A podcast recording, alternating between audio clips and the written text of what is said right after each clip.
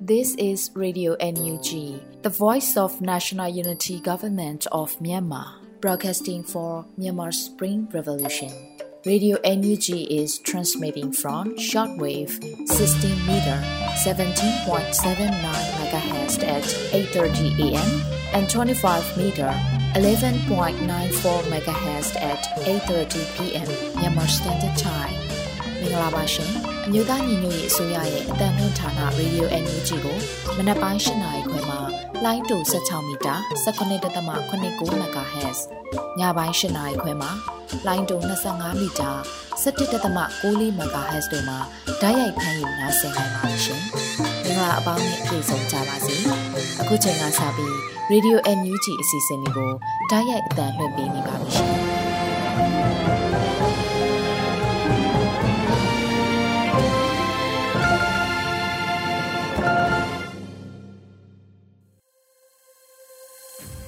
မြန်မာနိုင်ငံသူနိုင်ငံသားအပေါင်းတဘာဝဘေးစစ်အာဏာရှင်ဘေးတို့မှကင်းဝေးပြီးကိုစိတ်နှပြချမ်းမာချမ်းသာဘေးကင်းလုံခြုံကြပါစေလို့ Radio NUG ဖွဲ့သားတွေကဆုတောင်းမေတ္တာပို့သလိုက်ပါတယ်ခင်ဗျာမင်္ဂလာမနက်ခင်းပါခင်ဗျာဒီကနေ့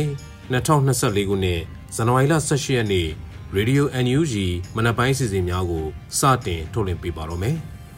ပထမဦးစွာ Radio NUG စီးရဲသတင်းကောက်လို့ချက်ကို ရန်နိုင်ကဖတ်ကြားတင်ပြပေးမှာဖြစ်ပါတယ်။ Radio NUG သောရရှင်များမင်္ဂလာပါခင်ဗျာ။ခုချိန်အစပြီး2024ခုနှစ်ဇန်နဝါရီလ18ရက်နေ့မနက်ပိုင်းမှာတင်ပြပေးမယ်။ Radio NUG စီးရီးသတင်းများကိုဖတ်ကြားတင်ပြပေးသွားမှာဖြစ်ပါတယ်။ပထမဆုံးတင်ပြပေးခြင်းတဲ့စီးရီးသတင်းကတော့အကြမ်းဖက်စစ်ကောင်စီတပ်ဖွဲ့ဝင်300ခန့်အိန္ဒိယနိုင်ငံမီဇိုရမ်ပြည်နယ်ကိုထပ်မံရောက်ရှိတဲ့ဆိုတဲ့သတင်းကိုတင်ဆက်ပေးပါမယ်။ အာနာသိန်းကျမ်းပတ်စစ်ကောင်စီလက်အောက်ခံမြန်မာစစ်သား300ခန့်အိန္ဒိယနိုင်ငံမီဇိုရမ်ပြည်နယ်ကိုဇန်နဝါရီလ18ရက်နေ့ညနေပိုင်းမှာထပ်မံရောက်ရှိလာတယ်လို့ဒေတာတွင်းသတင်းတွေကဖော်ပြထားပါတယ်။စစ်ကောင်စီလက်အောက်ခံမြန်မာစစ်သား288ဦးဟာမြန်မာနိုင်ငံဘက်မှာဖြစ်နေတဲ့တိုက်ပွဲတွေကြောင့်မီဇိုရမ်ပြည်နယ်လောင်တာခရိုင်ဘန်တိုဘန်ကြီးရွာကိုထွက်ပြေးလာခဲ့ပြီးအာသန်ရိုင်ဖယ်တပ်ဖွဲ့ထံမှလက်နက်ချခိုလုံခဲ့ကြတယ်လို့ဒေတာတွင်းသတင်းဌာန The Long Line Post မှာဖော်ပြထားပါတယ်။ အိန္ဒိယဘက်ထွက်ပြေးလာတဲ့မြန်မာစစ်သား288ဦးဟာလက်ရှိချိန်မှာအိန္ဒိယနယ်စပ်လုံခြုံရေးတပ်ဖွဲ့တွေရဲ့ကြီးကြပ်မှုအောက်မှာရှိနေပြီးစုံစမ်းစစ်ဆေးမှုတွေလုပ်နေတယ်လို့မီဇိုရမ်ပြည်နယ်အခြေစိုက် Changma Times သတင်းဌာနကလည်းဇန်နဝါရီလ18ရက်နေ့ည8:00နာရီခန့်မှာရုပ်သံနဲ့တကွအသိပေးထားပါတယ်။ချင်းပြည်နယ်အတွင်းမှာဖြစ်ခဲ့တဲ့တိုက်ပွဲတွေကြောင့်အကြမ်းဖက်စစ်ကောင်စီတပ်ဖွဲ့ဝင်တွေယာချီပြီးအိန္ဒိယနိုင်ငံမီဇိုရမ်ဘက်ကိုထွက်ပြေးခဲ့ပူးပါတယ်။2023ခုနှစ်နိုဝင်ဘာလကနေ2024ခုနှစ်ဇန်နဝါရီလအစောပိုင်းထိ အိန္ဒိယနိုင်ငံဘက်ထွက်ပြေးသွားတဲ့စစ်ကောင်စီတပ်ဖွဲ့ဝင်400ကျော်ရှိခဲ့ပြီးအိန္ဒိယအစိုးရကမြန်မာစစ်တပ်ထံပြန်လည်ပို့ဆောင်ခဲ့တယ်လို့သိရပါတယ်ခင်ဗျာအခုတခါနတ်တန်ကွင်းကိုစစ်ကူလာတဲ့တန်ကားနှစ်စီးနဲ့တန်ချက်ကားကားကိုဖျက်ဆီးနိုင်ခဲ့တယ်လို့ KNU ကြေညာတဲ့သတင်းကိုလည်းတင်ဆက်ပေးပါောင်းမယ်ပဲခူးတိုင်းပဲနယ်ကုန်းမြို့ကနေနတ်တန်ကွင်းဘက်ကိုစစ်ကူလာတဲ့တန်ကားနှစ်စီးနဲ့တန်ချက်ကားကားတစ်စီးကိုဖျက်ဆီးနိုင်ခဲ့တယ်လို့ကရင်မျိုးသားအစည်းအရုံး KNU ဗဟိုက ဇန်နဝါရီလ18ရက်မှာကြေညာလိုက်ပါတယ်။ပဲခူးတိုင်းကြောက်ကြီးမြို့နယ်ပဲနွယ်ကုန်းမြို့ကနေနတ်တန်ကွင်းမြို့ကိုစစ်ကူလာတဲ့စစ်ကောင်စီရဲ့တန်ကားနဲ့တန်ချက်ကားကားရင်တန်းကိုဇန်နဝါရီလ4ရက်နေ့5ရက်နေ့နဲ့6ရက်နေ့တို့မှာကရင်မျိုးသားလွတ်မြောက်ရေးတပ်မတော်နဲ့တော်လိုင်းပူးပေါင်းဖွဲ့တွေကတန့်ဖြတ်မိုင်းတွေနဲ့ဖောက်ခွဲတိုက်ခတ်ခဲ့တာလို့အသိပေးထားပါတယ်။ KNU နဲ့တော်လိုင်းအဖွဲ့တွေရဲ့မိုင်းခွဲတိုက်ခတ်မှုကြောင့်တန်ကားတစ်စီးပက်လက်လန်သွားကတန်ချက်ကာကားဟာရှေ့ပိုင်းတစ်ခုလုံးပျက်စီးသွားတဲ့အတွက် ပဲနွယ်ကုန်းမြို့တွင်းကိုကရိန်းကားနဲ့ဆွဲသွားခဲ့တယ်လို့ဆိုပါတယ်။ဒါ့အပြင်နတ်တန်ကွင်းမြို့နီးမှာလည်းတန်ကားပြက်တစည်းရောက်နေတယ်လို့လည်း KNU ထုတ်ပြန်ချက်အရသိရပါတယ်။ရှမ်းမြောက်ဒေသတိုက်ပွဲတွေမှာညီနောင်မဟာမိတ်သုံးဘွဲကတန်ကားနဲ့တန်ချက်ကားကားဆယ်စီးထပ်မင်းတိုက်ခိုက်သိမ်းပိုက်ထားသလိုပြီးခဲ့တဲ့ရက်ပိုင်းမှာလည်းရခိုင်တပ်တော် AA ကပလောဝဒေသမှာရှိတဲ့စစ်ကောင်စီစခန်းထုကိုတိုက်ခိုက်သိမ်းပိုက်ခဲ့ရမှာလဲစစ်ကောင်စီရဲ့တန်ချက်ကားကားတစ်စီးကိုသိမ်းပိုက်ရရှိထားပါတယ်ခင်ဗျာ။ အခုတကအုပ်ဖို့မျိုးနဲ့ကမုံဆယ်ပေါ်လာရောက်တက်ဆွဲတဲ့စစ်ကောင်စီတပ်ဖွဲ့ကိုမိုင်းဆွဲတိုက်ခိုက်မှုမှာစစ်သား3ဦးသေဆုံးတယ်ဆိုတဲ့သတင်းကိုလည်းတင်ဆက်ပေးပါောင်းမယ်။ပဲခူးတိုင်းတာဝတီခန်အုပ်ဖို့မျိုးနဲ့ကမုံဆယ်ပေါ်မှာလာရောက်တက်ဆွဲတဲ့စစ်ကောင်စီတပ်ကိုမြှားခေါ်ပြီးမိုင်းဆွဲတိုက်ခိုက်ခဲ့ရမှာစစ်ကောင်စီတပ်ဖွဲ့ဝင်3ဦးသေဆုံးသွားတယ်လို့တာဝတီခန်တရင်3832ကထုတ်ပြန်ထားပါတယ်။အုပ်ဖို့မျိုးနဲ့ဝိုင်းကြီးရွာရဲစခန်းကအကြမ်းဖက်စစ်ကောင်စီတပ်ဖွဲ့ဝင်အင်အား90ခန့်ဟာ ဇဇန်နဝါရီလ16ရက်နေ့မနက်ပိုင်းကဂမုံဆယ်ဘော်ကိုစစ်ကြောင်းထိုးဝင်ရောက်လာပြီးရှင်းလင်းဆောင်မှာတက်ဆွဲနေတဲ့အတွက်ပြည်သူ့ကာကွယ်အဖွဲ့တွေတွားရောက်တိုက်ခတ်ခဲ့တာလို့သိရပါတယ်။အဲ့ဒီနေရာမှာအပြန်အလှန်တိုက်ခတ်မှုဟာ45မိနစ်ခန့်ကြာမြင့်ခဲ့ပြီးမိုင်းကွင်းတွေရှိရာနေရာကိုအကြမ်းဖက်စစ်ကောင်စီတပ်မြှားခေါ်ခဲ့တယ်လို့ဆိုပါတယ်။အကြမ်းဖက်စစ်ကောင်စီတပ်ဖွဲ့ဟာပြည်သူ့ကာကွယ်ရေးရဲဘော်တွေဆုတ်ခွာသွားပြီးအထင်နဲ့လိုက်လံပစ်ခတ်ခဲ့ရမှာစစ်ကောင်စီတပ်ဖွဲ့ဝင်တွေမိုင်းကွင်းနဲ့ရောက်လာချိန်ပရိသာမိုင်းတွေကိုဖောက်ခွဲပြီး 40မမလက်နက်ငယ်တွေနဲ့ပြန်လည်ပစ်ခတ်ခဲ့တဲ့အတွက်စစ်ကောင်စီတပ်ဖွဲ့အထိနာပြီးကစင်ကလျာဆုတ်ခွာသွားကြတယ်လို့သိရပါတယ်။ဗယိုဖျဲဆုတ်ခွာသွားတဲ့စစ်ကောင်စီတပ်ဖွဲ့ကိုဇီကင်ငပြောတော်နဲ့ဝိုင်းရဲစခန်းအထိပြည်သူ့ကာကွယ်ရေးရဲဘော်တွေလိုက်လံတိုက်ခတ်ခဲ့ရမှာတော့စစ်သား3ဦးသေဆုံးပြီး12ဦးပြင်းထန်ဒဏ်ရာရရှိကာထွက်ပြေးသွားတဲ့စစ်သားတွေစီကကြီးပေါင်း2ခုကြီးတောင်း40လေးခွာတလက်နဲ့စစ်သုံးဆောင်ပစ္စည်းတွေတင်းစီရရှိခဲ့တယ်လို့လည်းသိရပါတယ်။ အဲဒီတိုက်ခိုက်မှုကိုတာယာဝတီခရိုင်တပ်ရင်း383ည2တက်ခွဲ4မြောက်ပြောက်ကြားတပ်ဖွဲ့အုပ်ဖို့ရဲ့ကြားကြီးစစ်ကြောင်းကတိုက်ခိုက်ခဲ့တာဖြစ်တယ်လို့သိရပါတယ်ခင်ဗျာ။အခုဆက်လက်ပြီးလမိုင်းမြို့ရှိစစ်ကောင်စီတပ်စခန်းနဲ့စစ်စေးဂိတ်တိုက်ခိုက်ခံရပြီးစစ်ကောင်စီတပ်သား၄ဦးသေဆုံးတယ်ဆိုတဲ့စစ်ရေးသတင်းကိုလည်းတင်ဆက်ပေးပါဦးမယ်။မွန်ပြည်နယ်ရေးမြို့နယ်လမိုင်းမြို့ရှိစစ်ကောင်စီတပ်စခန်းနဲ့စစ်စေးဂိတ်တို့တိုက်ခိုက်ခံရပြီးစစ်ကောင်စီတပ်သား၄ဦးသေဆုံးခဲ့တယ်လို့ ရေးဘလူးဖွဲ့ထံကသိရပါတယ်။ဇန်နဝါရီလ18ရက်နေ့မနက်6နာရီခန့်ကလမိုင်းမြို့ရှိစစ်ကောင်စီခြေလင်းတပ်ရင်းခလာရ106စခန်းကိုတွားရောက်ပစ်ခတ်တိုက်ခိုက်ခဲ့ပြီးစစ်ကောင်စီတပ်သား၄ဦးသေဆုံးခဲ့တယ်လို့ရေးဘလူးအဖွဲ့ခေါင်းဆောင်ကပြောပါတယ်။ဒါပြင်အဆိုပါခလာရ106တပ်ရင်းကိုဝင်ရောက်တိုက်ခိုက်ပြီးတဲ့နောက်ရေးမော့ကနေလမ်းမပေါ်ရှိစစ်ဆေးမှုများနဲ့ငွေကြေးတောင်းခံမှုများပြုလုပ်နေတဲ့စစ်ကောင်စီစစ်ဆေးဂိတ်ကိုလည်းဝင်ရောက်တိုက်ခိုက်ပြီးမီးရှို့ရှင်းလင်းခဲ့တယ်လို့ရေးဘလူးကဆက်ပြောပါတယ်။ ဒီမနေ့6နာရီကျော်မှာ106တပ်ထဲကိုဝင်ပစ်တယ်တက်ဖွင့်ချိန်ဝင်ပစ်ပြီးတပ်သား၄ဦးကြတယ်။ဒဏ်ရာရတော့တဲ့သူတွေလည်းရှိတယ်။ကျွန်တော်တို့ဘက်ကတော့အထီးကိုက်မရှိဘဲဆုတ်လာနိုင်ခဲ့တယ်။ပြန်ဆုတ်လာပြီးတော့မော့ကနေမျိုးထိတ်မှရှိတဲ့စကားစကားပတ်စံတွေကောက်ပြီးစစ်ဆေးနေတဲ့ဂိတ်ကိုလည်းကျွန်တော်တို့မီးရှို့ဖျက်ဆီးခဲ့တယ်လို့ရေးဘလူးဖွဲ့ခေါင်းဆောင်ကဆိုပါတယ်။အဆိုပါပြစ်ခတ်ခံခဲ့ရတဲ့တပ်စခန်းတွင်းရှိစစ်ကောင်စီတပ်သားများအနေနဲ့တပ်ပြင်မထွက်ရဲသလိုစစ်စေးစခန်းရှိစစ်ကောင်စီတပ်ဖွဲ့များဟာလည်း ဂိတ်စခန်းကိုစွန့်ခွာထွက်ပြေးသွားကြတယ်လို့သိရပါတယ်။ရေးဘလူးဖွဲ့ဟာပြီးခဲ့တဲ့ဒီဇင်ဘာလ22ရက်နေ့ကစတင်ပြီးအမျိုးသားညီညွတ်ရေးဆိုရကာကွယ်ဝင်ကြီးဌာနပြည်သူ့ကာကွယ်ရေးတပ်မတော်တောင်ပိုင်းနယ်စစ်ဒေသအထူးစစ်စင်ရေးတပ်ဖွဲ့ SOF တပ်ခွဲတစ်ခုဖြစ်စတင်တာဝန်ထမ်းဆောင်နေတဲ့အဖွဲ့တစ်ခုလည်းဖြစ်ပါတယ်ခင်ဗျာအခုတခါဘီလင်းမြို့မှာစစ်ကောင်စီရဲ့လေကြောင်းတိုက်ခတ်မှုကြောင့်ဖျားတဆူနဲ့တာသနာအဆောက်အုံနဲ့အိမ်6လုံးပျက်စီးသွားတယ်ဆိုတဲ့သတင်းကိုလည်းတင်ဆက်ပေးပါမယ်။ မွန်ပြည်နယ်ဘီလင်းမြို့နယ်ဝင်းတာပန်ကျေးရွာတွင်းကိုအကြမ်းဖက်စစ်တပ်ကလေကြောင်းတိုက်ခတ်မှုနဲ့လက်နက်ကြီးတွေနဲ့ပစ်ခတ်မှုကြောင့်ဖျားတဆူသာသနာအဆောက်အုံတစ်လုံးနဲ့အိမ်6လုံးပျက်စီးခဲ့တယ်လို့ KNU ဗဟိုကထုတ်ပြန်ထားပါတယ်။ဇန်နဝါရီလ15ရက်နေ့ည9:00နာရီကျော်အချိန်မှာအကြမ်းဖက်စစ်ကောင်စီရဲ့အမှတ်3ချင်းမြတ်တရင်ကဘီလင်းမြို့နယ်ဝင်းတာပန်ကျေးရွာကိုလက်နက်ကြီးတစ်လုံးပစ်ခတ်ခဲ့ရမှာဒေသအခေါ်တာလဲထနေရာမှာကြောက်ရောက်ပုတ်ကွဲခဲ့တာကြောင့်ဘုံ ကြီးကျောင်းနဲ့ဇေဒီကြည်စထိမှန်ပျက်စီးခဲ့တယ်လို့အသိပေးထားပါတယ်။အလားတူဒီဇင်ဘာလ31ရက်နေ့မနက်ပိုင်းကလည်းစစ်ကောင်စီရဲ့ MI35B အမျိုးအစားတိုက်ခိုက်ရေးရရင်တစင်ကဝင်းတာပန်စခန်းဒီတဝိုက်ကိုတနအီကြာ17နှစ်နဲ့ပြစ်ခတ်ခဲ့တာကြောင့်ဝင်းတာပန်ကျေးရွာကအိမ်6လုံးထိခိုက်ပျက်စီးခဲ့တယ်လို့ဆိုပါတယ်။အလားတူဒီဇင်ဘာလ26ရက်နေ့ညနေပိုင်းမှာလဲဝင်းတာပန်စခန်းကနေပြစ်ခတ်တဲ့လက်နက်ကြီးကြီးတစ်လုံးဝင်းတာပန်ကျေးရွာမှာပောက်ကွဲခဲ့တာကြောင့် နေအိမ်တစ်လုံးမီးလောင်ပျက်စီးခဲ့တယ်လို့ထုတ်ပြန်ချက်မှာဖော်ပြထားပါတယ်။လက်ရှိချိန်မှာအကြမ်းဖက်စစ်ကောင်စီနဲ့ကရင်မျိုးသားလူမျိုးရေးတပ်တို့ကြားတိုက်ပွဲတွေနေ့စဉ်ရက်ဆက်ဖြစ်နေတာကြောင့်စစ်ရေးဆိုင်ရာသတင်းတွေကိုလုံခြုံရေးအခြေအနေကြောင့်အချိန်နဲ့တပြေးညီမထုတ်ပြန်နိုင်တဲ့အကြောင်းလဲ KNU ဗဟိုကအသိပေးထားပါတယ်ခင်ဗျာအခုဆက်လက်ပြီးလောင်းလုံးမြို့မှာစစ်တပ်ကဒေသခံ3ဦးကိုတပ်ဖြတ်ခါနေဟင်တရားကျော်ကိုမိရှုဖျက်ဆီးခဲ့တဲ့ဆိုတဲ့သတင်းကိုလည်းတင်ဆက်ပေးပါမယ် တနင်္သာရီတိုင်းလောင်းလုံးမြို့နယ်အတွင်းအကြမ်းဖက်စစ်တပ်ကဒေသခံပြည်သူ3ဦးကိုတပ်ဖြတ်ခါကျေးရွာရှိရွာမှနေ132လုံးကိုအကြောင်းမဲ့မိရှုဖျက်ဆီးခဲ့တယ်လို့လောင်းလုံးမြို့နယ်ပြည်သူ့ကာကွယ်တပ်ဖွဲ့ LLPDF ကထုတ်ပြန်ထားပါတယ်။လောင်းလုံးမြို့ပေါ်မှာဒီဇင်ဘာလ20ရက်နေ့ကတိုက်ပွဲဖြစ်ပြီးတဲ့နောက်အကြမ်းဖက်စစ်တပ်ကကုန်းချောင်းရေချောင်းကနေလောင်းလုံးမြို့နယ်အောက်ပိုင်းမှာရှိတဲ့ရွာတွေကိုသုံးဘက်ခန့်စစ်ကြောင်းထိုးခဲ့တယ်လို့သိရပါတယ်။အဲဒီလိုစစ်ကြောင်းထိုးရမှာ ကျေးရွာတွေကနေအိမ်တွေကိုမီးရှို့ဖျက်ဆီးတာရိုက်နှက်ဖျက်ဆီးတာတွေလုပ်ခဲ့ပြီးဒေသခံပြည်သူတွေကိုဖမ်းဆီးကာလူသားတိုင်းအဖြစ်အသုံးပြုပြီး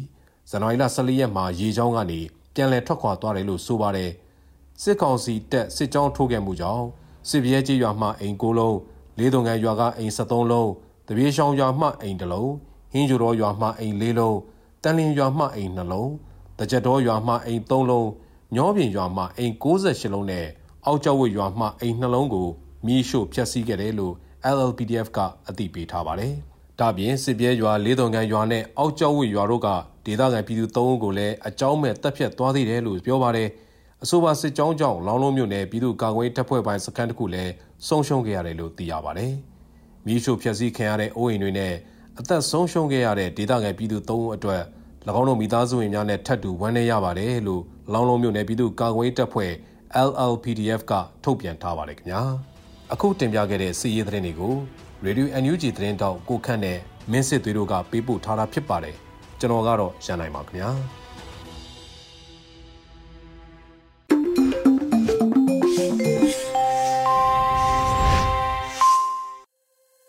စီရေးသတင်းကောက်နှုတ်ချက်ပြီးမှာတော့ပြည်တွင်းသတင်းများကိုຫນွေဦးမိုင်ကဆက်လက်တင်ပြပေးမှာဖြစ်ပါတယ်။ မင်္ဂလာပါသောတာရှင်များရှင်အခုချိန်ကစပြီးဇန်နဝါရီလ18ရက်နေ့နက်ခင်းပြည်တွင်သတင်းများကိုဖတ်ကြားပေးပါတော့မယ်ကျွန်မကတော့နှုံမိုင်းဖြစ်ပါတယ်ရှင်တယံဇာရမူဝါဒတွေကိုစဉ်းစားချမှတ်ဖို့လိုလာပြီးလို့ပြည်တော်စုဝင်ကြီးချုပ်မောင်ဝင်းခိုင်တန်းပြောကြားတဲ့သတင်းကိုပထမဆုံးတင်ပြပေးချင်ပါတယ်တယံဇာရမူဝါဒတွေကိုစဉ်းစားချမှတ်ကြဖို့လိုလာပြီးဖြစ်တယ်လို့ပြည်တော်စုအစဉ်တယံဇာရစီမံအုပ်ချုပ်မှုအဖွဲ့အစည်းအဝေးမှာ ပြည်ထောင်စုဝန်ကြီးချုပ်မောင်ဝင်းခိုင်တန်းကပြောကြားလိုက်ပါတယ်။ဇန်နဝါရီလ16ရက်နေ့မှာကျင်းပခဲ့တဲ့ပြည်ထောင်စုအစဉ်တယံဇာရစီမံအုပ်ချုပ်မှုအဖွဲ့ရဲ့တင့်မြင့်ဆောင်2024အစည်းအဝေးမှာအမျိုးသားညီညွတ်ရေးအစိုးရပြည်ထောင်စုဝန်ကြီးချုပ်မောင်ဝင်းခိုင်တန်းကအခုလိုပြောကြားခဲ့တာဖြစ်ပါတယ်။တော်လှန်ကာလအတွင်းရင်ဆိုင်ကြုံတွေ့ရတဲ့အခက်အခဲအကျက်တီးများကြောင့်ပြည်သူများအနေဖြင့်တယံဇာရအပေါ်ပို့မှုအမိပြုလာကြသည်ကိုအားလုံးသိပြီးဖြစ်တဲ့အားလျော်စွာ တယံဇာရကဏ္ဍတွေဖြစ်တဲ့တစ်တော်ပတ်ဝန်းကျင်ကဏ္ဍရေနံတဘာဝတံငွေကဏ္ဍနဲ့တထုကြောက်မြက်ကဏ္ဍတွေမှာမူဝါဒနဲ့မြေပြင်အခြေအနေကိုက်ညီဖို့လိုအပ်ပါကြောင်းလက်ရှိကာလအုပ်ချုပ်ရေးရန်ရနဲ့လိုက်လျောညီထွေဖြစ်စေဖို့စီမံခန့်ခွဲနီလာအသစ်တွေတီထွင်ကြံစပြီးချမှတ်အကောင့်ထဲပေါ်ရတော့မှာဖြစ်ပါကြောင်းပြည်အောင်စုအစင်ကစီမံခန့်ခွဲရမယ်တယံဇာရကိစ္စရက်တွေနဲ့တိုင်းအစင်ကစီမံခန့်ခွဲရမယ်တယံဇာရကိစ္စရက်တွေကို တေချာစစ်စစ်ခွဲခြားသတ်မှတ်ကြပြီးတယံဇာရများလေးလွန့်ဆုံးရှုံးမှုအ ਨੇ ဆုံးဖြစ်အောင်ပတ်ဝန်းကျင်ထိခိုက်မှုအ ਨੇ ဆုံးဖြစ်အောင်အတက်နိုင်ဆုံးစ조사ကြရမှာဖြစ်တယ်လို့ပြည်သူတွေကိုတာဝန်ယူမှုတာဝန်ခံမှုရှိသူများဖြစ်စေဖို့တယံဇာရမူဝါဒတွေကိုစဉ်းစားချမှတ်ကြဖို့လိုအပ်လာပြီးဖြစ်ပါကြောင်းဝန်ကြီးချုပ်ကပြောဆိုခဲ့ပါတယ်။အစည်းအဝေးကိုကာကွယ်ဝင်ကြီးဌာနပြည်ထောင်နဲ့လူမှုကြီးကြပ်ဝင်ကြီးဌာနစီမံကိန်းဗန္ဒာရေးနဲ့ရင်းနှီးမြှုပ်နှံမှုဝင်ကြီးဌာန တယံဇာရနဲ့တဘာဝပတ်ဝန်းကျင်ထိန်းသိမ်းရေးဝန်ကြီးဌာနလက်ဆက်နဲ့စွမ်းအင်ဝန်ကြီးဌာနတို့မှဝန်ကြီးများဒုဝန်ကြီးများအတွင်းဝင်များကိုယ်စားလှယ်အဖွဲ့ဝင်များပြည်ထောင်စုဝန်ကြီးချုပ်ရုံးမှအတွင်းဝင်နဲ့ရုံးအဖွဲ့များပြည်ထောင်စုအစဉ်တယံဇာရစီမံအုပ်ချုပ်မှုအဖွဲ့အတွင်းရေးမှူးရုံးအဖွဲ့တို့မှတာဝန်ရှိသူများတက်ရောက်ခဲ့ကြရလို့သိရပါတယ်ရှင်။ ဆက်လက်ပြီးကြားကာလဒေသန္တရပြည်သူ့အုပ်ချုပ်ရေးဖော်ဆောင်မှုဗဟိုကော်မတီနဲ့မန္တလေးတိုင်းမကွေးတိုင်းမြို့နယ်ပြည်သူ့အုပ်ချုပ်ရေးဖွဲ့များတွိတ်ဆုံဆွေးနွေးပွဲကျင်းပပြုလုပ်တဲ့တင်ကိုတင်ပြပေးချင်ပါတယ်။အမျိုးသားညီညွတ်ရေးအစိုးရကြားကာလဒေသန္တရပြည်သူ့အုပ်ချုပ်ရေးဖော်ဆောင်မှုဗဟိုကော်မတီနဲ့မန္တလေးတိုင်းမကွေးတိုင်းမြို့နယ်ပြည်သူ့အုပ်ချုပ်ရေးဖွဲ့များတွိတ်ဆုံဆွေးနွေးပွဲစည်းဝေးတုံမြင့်ဆောင်2024ကိုဇန်နဝါရီ18ရက်နေ့နေ့လယ်တနာရီအချိန်မှာကျင်းပပြုလုပ်ခဲ့လို့သိရပါတယ်။ အစည်းအဝေးတွင်ကြာကာလဒေသန္တရပြည်သူ့အုပ်ချုပ်ရေးဖော်ဆောင်မှုဗဟိုကော်မတီအဖွဲ့ဝင်အလုသမားဝင်ကြီးဌာနပြည်အောင်စုဝင်ကြီးနိုင်သူဝနာမှအဖွဲ့မှစကားပြောကြားခဲ့ပါတယ်။ထို့နောက်တက်ရောက်လာတဲ့မြို့နယ်ပြည်သူ့အုပ်ချုပ်ရေးအဖွဲ့ဝင်များမှမူဝါဒလမ်းညွှန်ချက်များလုပ်ငန်းဆောင်ရွက်ချက်များမြေပြင်အခက်အခဲများနဲ့ပတ်သက်လို့သိရှိလိုတဲ့အချက်များကိုမေးမြန်းခဲ့ကြရာဝင်ကြီးဌာနတာဝန်ရှိသူများမှပြန်လည်ဖြေကြားခဲ့ကြပါတယ်။အဆိုပါတွေ့ဆုံပွဲကို ပြည်ထောင်စုဝန်ကြီးနိုင်သူဝနာမှဦးဆောင်ကအမြဲတမ်းအတွင်းဝင်များတွဲဖက်အတွင်းဝင်များဌာနဆိုင်ရာများမှတာဝန်ရှိသူများနဲ့မန္တလေးတိုင်းမကွေးတိုင်းမှမြို့နယ်ပြည်သူ့အုပ်ချုပ်ရေးဖွဲ့ဝင်များတက်ရောက်ခဲ့ကြပြီးနေ့လယ်3နာရီအချိန်မှာအစည်းအဝေးကိုရနာခဲ့ကြပါတယ်ရှင်။ CRPH ပြည်သူ့ရေးရာကော်မတီနဲ့ CDM Success Committee တို့နဲ့မွန်ပြည်နယ် CDM နိုင်ငံဝန်ထမ်းများကောင်စီ CCSC မွန်တို့တွိတ်ဆုံဆွေးနွေးတဲ့တဲ့ရင်ကို ဆက်လက်တင်ပြပေးပါမယ်ပြည်ထောင်စုလွှတ်တော်ကိုစားပြုကော်မတီ CRPH ပြည်သူ့ရေးရာကော်မတီနဲ့ CDM Success Committee တို့နဲ့မွန်ပြည်နယ် CDM နိုင်ငံဝန်ထမ်းများကောင်စီ CCSC မွန်တို့ဗီဒီယိုကွန်ဖရင့်မှာတဆင့်တွေ့ဆုံဆွေးနွေးခဲ့ကြလို့သိရပါတယ်။ဇန်နဝါရီလ16ရက်နေ့နေ့လယ်12နာရီခွဲချိန်ကပြုလုပ်ခဲ့တဲ့အဆိုပါတွေ့ဆုံဆွေးနွေးမှုမှာမွန်ပြည်နယ် CDM နိုင်ငံဝန်ထမ်းများကောင်စီ CCSC မွန်ကရှေးဥစွာကောင်စီဖွဲ့စည်းထားရှိမှု ရည်ရွယ်ချက်မူဝါဒများလုပ်ငန်းစဉ်များနဲ့အစီအမံများကိုရှင်းလင်းတင်ပြခဲ့ကြပါတယ်။ထို့နောက်ပြည်သူ့ရေးရာကော်မတီနဲ့ CDM Success Committee မှတာဝန်ရှိသူများကကဏ္ဍများအလိုက်လိုအပ်ချက်များပူးပေါင်းဆောင်ရွက်သွားရန်လုပ်ငန်းစွမ်းဆောင်ရည်မြင့်တင်နိုင်ရေးဆိုင်ရာတင်နန်းများကိုလည်းအတက်နိုင်ဆုံးချိတ်ဆက်ဆောင်ရွက်သွားရန် CDM ပြုလုပ်မှုသည်လူ့တော်လှန်ရေးအတွက်အလွန်အရေးကြီးပြီးအနာဂတ်ဖက်ဒရယ်နိုင်ငံတော်တည်ဆောက်ရေးအတွက်လည်းအဓိကအင်အားများဖြစ်ပါသောကြောင့် တော်လှန်ရေးအောင်မြင်သည့်အထိဆက်လက်တိုက်ပွဲဝင်သွားကြပါရန်အကြံပြုပြောကြားခဲ့ပါတယ်ဆက်လက်ပြီးအစည်းအဝေးတက်ရောက်လာကြသူများကအနာဂတ်တွင်ချိတ်ဆက်ပူးပေါင်းဆောင်ရွက်မှုဆိုင်ရာလုပ်ငန်းစဉ်များအားဆွေးနွေးချမှတ်ခဲ့ကြပါတယ်။တွဲဆောင်ပွဲသို့ပြည်ထောင်စုလွှတ်တော်ကိုစားပြုကော်မတီ CRPH အတွင်းရေးမှူးအဖွဲ့ဝင်ဒေါ်ဖြူဖြူတင်ပြည်သူ့ရေးရာကော်မတီဥက္ကဋ္ဌနဲ့ကော်မတီဝင်များ CDM Success Committee အတွင်းရေးမှူးဒေါက်တာဇော်ဝေဆိုးတွဲဖက်အတွင်းရေးမှူးဒေါက်တာဥက္ကာနဲ့ မွန်ပြည်နယ် CDM နိုင်ငံဝန်ထမ်းများကောင်စီ CCSC မွန်မဥက္ကဋ္ဌအဖွဲ့ဝင်များနဲ့ကောင်စီဝင်များတက်ရောက်ခဲ့ကြပါတယ်ရှင်။အခုတင်ပြခဲ့တဲ့သတင်းတွေကို Radio UNG သတင်းထောက်ကိုခန့်နဲ့မင်းစစ်သွေးတို့ကပေးပို့ထားတာဖြစ်ပါတယ်ရှင်။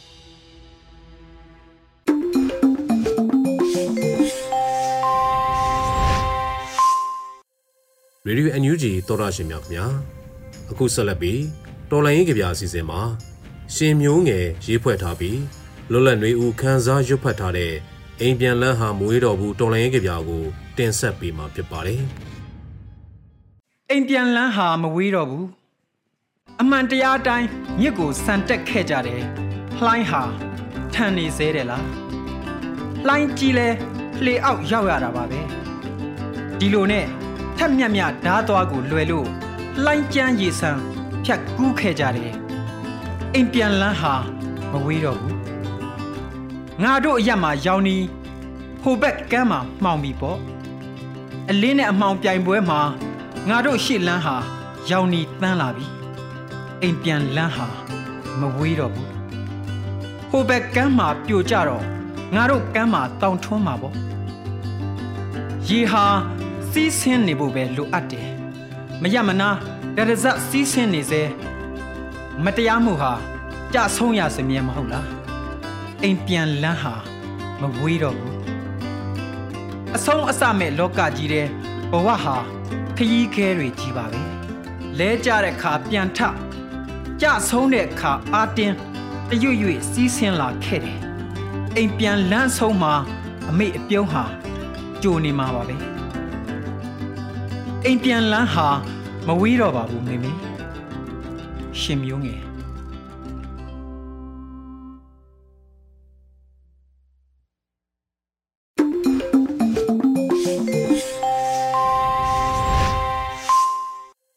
အခုဆက်လက်ပြီးနေ့စဉ်သတင်းများကို နေကြီး PVTV ကဖတ်ကြားတင်ပြပေးမှာဖြစ်ပါတယ်။ခုချိန်ကစပြီး PPTV သတင်းတွေကိုတင်ဆက်ပေးတော့မှာပါ။ကျွန်မနေကြီးပါရှင်။ ထမဆုံးတင်ဆက်ပေးမယ့်သတင်းကတော့ခင်ဦးမြို့နယ်ကိုအကြမ်းဖက်စစ်တပ်ကစစ်ကြောင်းနှစ်ကြောင်းထိုးနေလို့ဒေသခံပြည်သူ9000ကျော်စစ်ရှောင်နေရတဲ့တဲ့မှာစကိုင်းတိုင်းခင်ဦးမြို့နယ်မှာအကြမ်းဖက်စစ်တပ်ကစစ်ကြောင်းနှစ်ကြောင်းထိုးနေတဲ့အတွက်ဒေသခံပြည်သူ9000ကျော်စစ်ဘေးရှောင်နေရတယ်လို့ဒေသခံတွေကပြောပါတယ်ဒီကနေ့မနေ့၈နာရီခွဲမှာခေဦးမြို့နယ်တောင်ပိုင်းနဲ့မြောက်ပိုင်းကိုအကြမ်းဖက်စစ်တပ်ကစစ်ကြောင်းထိုးဝင်ရောက်နေတာပါ ဒီကနေ့မနက်8:20မိနစ်ခန့်ကရွှေဘိုလေးချီရင်မှာရှစ်မှာအကြမ်းဖက်စစ်တပ်အင်အား80ဟာတန်ပိုကျေးရွာဘက်ကိုစစ်ကြောင်းထိုးနေရကြောင်းခေဦးမြို့နယ်တောင်ဘက်ချမ်းရှိဒေသခံပြည်သူ2000ကျော်စစ်ပေးရှောင်နေရပါတယ်အလားတူမနက်၈နာရီခွဲမှာဇီးကုန်းတကြားဆက်ကအင်အား80ခန့်ပါအကြမ်းဖက်စစ်ကြောင်းဟာခေဦးမြို့နယ်မြောက်ဘက်ချမ်းမှာရှိတဲ့ဗရောက်ကုန်းကျေးရွာကိုပြစ်ခတ်ဝင်ရောက်ခဲ့တာကြောင့်ဒေသခံ3000ကျော်စစ်ပေးရှောင်နေရတာဖြစ်တယ်လို့ဆိုပါတယ် ဆက်လက်တင်ဆက်ပေးချင်တာကတော့ပဲခူးတိုင်းအတွင်းမှာအကြမ်းဖက်စစ်တပ်ကပြည်သူတွေကိုပြည်သူ့စေအတွင်းအတေးအဓမ္မဝင်ရောက်ခိုင်းနေတဲ့တဲ့မှာပဲခူးတိုင်းအတွင်းမှာအကြမ်းဖက်စစ်တပ်ကပြည်သူတွေကိုပြည်သူစစ်အပ်တွေအတေးအာဏမဝင်ရောက်ခိုင်းနေတယ်လို့သတင်းရင်းမြစ်တွေထံမှသိရပါတယ်။ PPTV ကရရှိထားတဲ့အချက်လက်တွေအရပဲခူးတိုင်းအတွင်းကပိတ်စလုံးမျိုးနဲ့ပေါင်းတယ်မျိုးတွေမှာပြုလုပ်နေတယ်လို့သိရပါတယ်။ အကြမ်းဖက်စစ်တပ်ရဲ့ပိတ်စလုံးအခြေဆိုင်တရေးခလာရ264နဲ့ရဲတွေကပိတ်စလုံးမြို့မှာရှိတဲ့ခါးတွေအပါအဝင်ပိတ်စလုံးမြို့ကဒေသခံတွေနဲ့မြို့အနီးနားမှာရှိတဲ့ဒေသခံပြည်သူတွေကိုမဲနိုင်ပြီးပြည်သူစစ်ထဲဝင်ခိုင်းနေတာလို့ KNU တပ်မဟာ3ကထုတ်ပြန်တည်ပေးထားပါတယ်။အဲ့ဒီလိုချက်ဖက်စစ်ကောင်စီကပြည်သူစစ်တွေဖွဲ့စည်းဖို့အတွက်ပဲခူးတိုင်းအတွင်းမှာအရေးအာရမဖိအားပေးလှုပ်ဆောင်နေတယ်လို့ Panascope Network ကအတည်ပြုထားပါတယ်။ အကြံဖတ်စစ်တပ်မှခန့်အပ်ထားတဲ့မြို့နယ်လုံခြုံရေးဥက္ကဋ္ဌမှဇန်နဝါရီလ17ရက်နေ့မှာရက်ကွက်ကျေးရွာအုပ်ချုပ်ရေးမှုများကိုအစည်းအဝေးခေါ်ယူပြီးရက်ကွက်တစ်ခုကိုပြည်သူစီအင်အား40ထားရှိရမှာဖြစ်တယ်ဆိုပြီးအတင်းအာရမလူစုဆောင်းတာတွေပြုလုပ်နေပါတယ်နိုင်ငံနဲ့တဝင်းကခုခံတွန်းလှန်စစ်တွေအရှုံးကြီးရှုံးနေနေတဲ့အကြမ်းဖက်စစ်တပ်ကလူအင်အားဖြုံတီးမှုတွေနဲ့ရင်ဆိုင်နေရတဲ့အတွက်ပြည်သူတွေကိုအာရမပေါ်တာဆွဲတာတွေလှုံ့ဆော်နေတယ်လို့လည်းဖြစ်ပါတယ်။ ထပ်မံလက်ဆက်ပေးမှာကတော့အလဲပိုင်းတိုင်းထူးစစ်စင်ရေးဖွဲ့မှစစ်ဆောင်ပြည်သူများကိုရိတ်ခါမျှဝေပေးခြင်းနဲ့စေဝါကူတာမှုပေးတဲ့တဲ့မှာအလဲပိုင်းတိုင်းထူးစစ်စင်ရေးအဖွဲ့ကစစ်ဆောင်ပြည်သူများကိုအစဉ်ပြေနိုင်စွာနေနိုင်ရေးအတွက်စားနပ်ရိက္ခာပြည်စုံရေးနဲ့ကျန်းမာရေးကောင်းမွန်ရေးအတွက်အစီအစဉ်များချမှတ်ဆောင်ရွက်လျက်ရှိတယ်လို့ဇန်နဝါရီလ16ရက်ရက်စွဲနဲ့အတည်ပြုထားပါတယ်။ အလဲပိုင်းတိုင်းအထူးစစ်စေးရေးအဖွဲ့နေပြည်တော်တိုင်းစစ်ဌာနဗျူဟာတရဲ့စိုးမိုးနယ်မြေတွေကစစ်ဆောင်ပြည်သူများကိုဇန်နဝါရီလ16ရက်နေ့မှာစားနယ်ရိတ်ခါနဲ့စေဝါကုသပေးခြင်းတို့ကိုပြုလုပ်ခဲ့ပါတယ်။အကြမ်းဖက်စစ်တပ်ဟာအမြင့်ဖြတ်ချင်းမုံရေးအတွက်စစ်စခန်းများကိုထိုးစစ်စေတိုက်ခိုက်ရာမှာစစ်ဆောင်အတွင်းမှာရှိတဲ့ဒေသခံပြည်သူများအားစစ်ပွဲနဲ့လွတ်တဲ့နေရာများကိုပြောင်းရွှေ့ပေးရတာပြည်သူ့ကာကွယ်ရေးတပ်ဖွဲ့များရဲ့တာဝန်ဖြစ်ကြောင်းခံယူထားတယ်လို့ဆိုပါတယ်။အလဲပိုင်းတိုင်းထိုးစစ်စေရေးအဖွဲ့မှရဲဘော်များအား ကာကွယ်စောင့်ရှောက်ပေးထားတဲ့ကြေးရွာများကိုလည်းလှည့်လည်စေကူတာပေးလျက်ရှိပြီးအချို့နေရာများမှာအချင်းဒီအကြောင်းကြောင့်ကြောင့်စေကူတာခွင့်မရသေးဘဲလူနာများကိုခယူတဆိုင်ကြက်မှတ်လျက်ရှိတယ်လို့လည်းထုတ်ပြန်ချက်မှာဖော်ပြထားပါတယ်အခုနောက်ဆုံးနေနဲ့မြန်မာနိုင်ငံတဝန်းကလူမျိုးပေါင်းစုံဘာသာပေါင်းစုံပါဝင်တဲ့ဆီယနာရှင်မြစ်ဖြတ်ချင်းမုံရေးလူထုဆန္ဒပြပွဲသတင်းတွေကိုစူးစီးတင်ဆက်ပေးမှာဖြစ်ပါတယ်။ ရင်းမပင်မြို့နယ်မှာအောင်လန်လွှင့်မီတောင်းသွင်းသည့်တပိတ်စစ်ကြောင်းကအကြမ်းဖက်စစ်တဲ့ကြာရှော်ရေးဆန္ဒပြတပိတ်ကိုဒီကနေ့မှပြုလုပ်ခဲ့ကြပါတယ်။ဆန္ဒပြတော်လန်ပြည်သူတွေက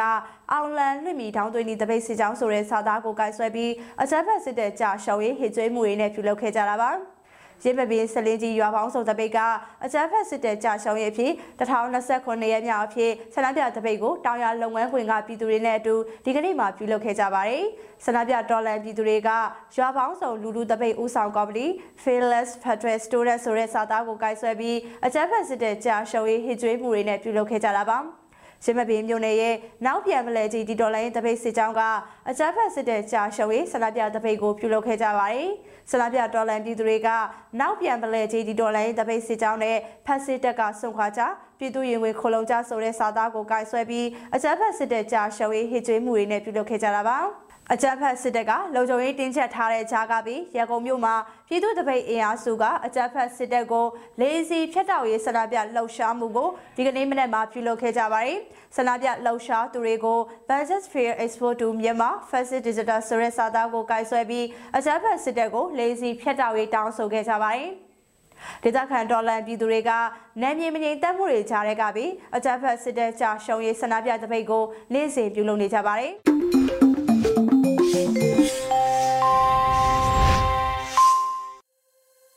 ရေဒီယို NUG မှဆက်လက်အတန်လွှင့်နေပါတယ်။အခုဆက်လက်ပြီး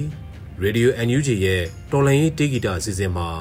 ကောင်းကင်နဲ့ကိုလင်းတို့တီးဆိုထားတဲ့ຫນွေဦးတော်လန်ရေးအောင်ပွဲစင်မီတော်လန်ရေးတခြင်းကို နားဆင်ကြရမှာဖြစ်ပါတယ်ခင်ဗျာ။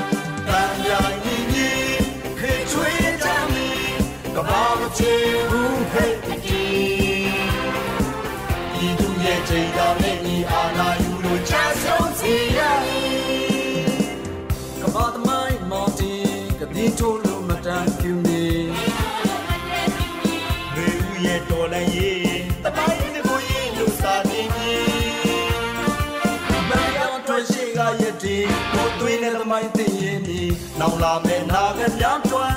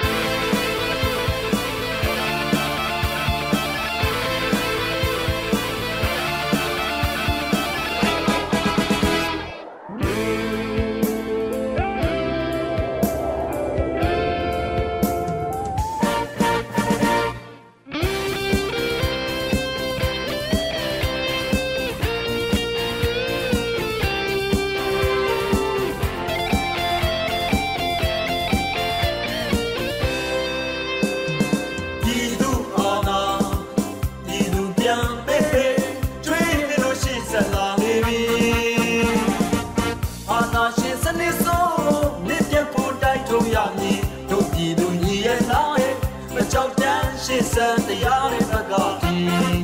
အသက်ပေးကစတေးခဲ့ကြတယ်သူရဲ့ကောင်းတို့အတွက်ကတိသစ္စာတိုင်ခြင်းရွေဦးရဲ့တော်လည်း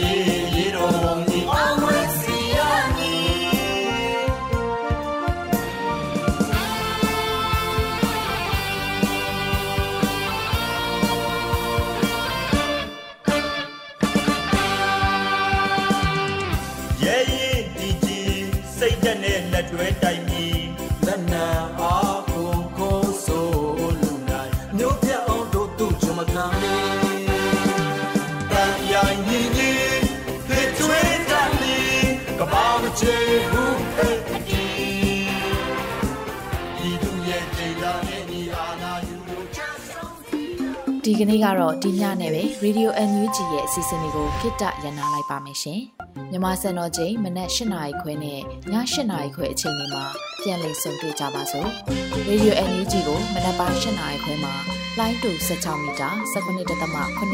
MHz ညပိုင်း၈နာရီခွဲမှာလိုင်းတူ25မီတာ17.6 MHz တို့မှာဓာတ်ရိုက်ဖမ်းလို့နိုင်စေနိုင်ပါပြီ။ မြန်မာနိုင်ငံသူနိုင်ငံသားတွေကိုစိတ်နှပြ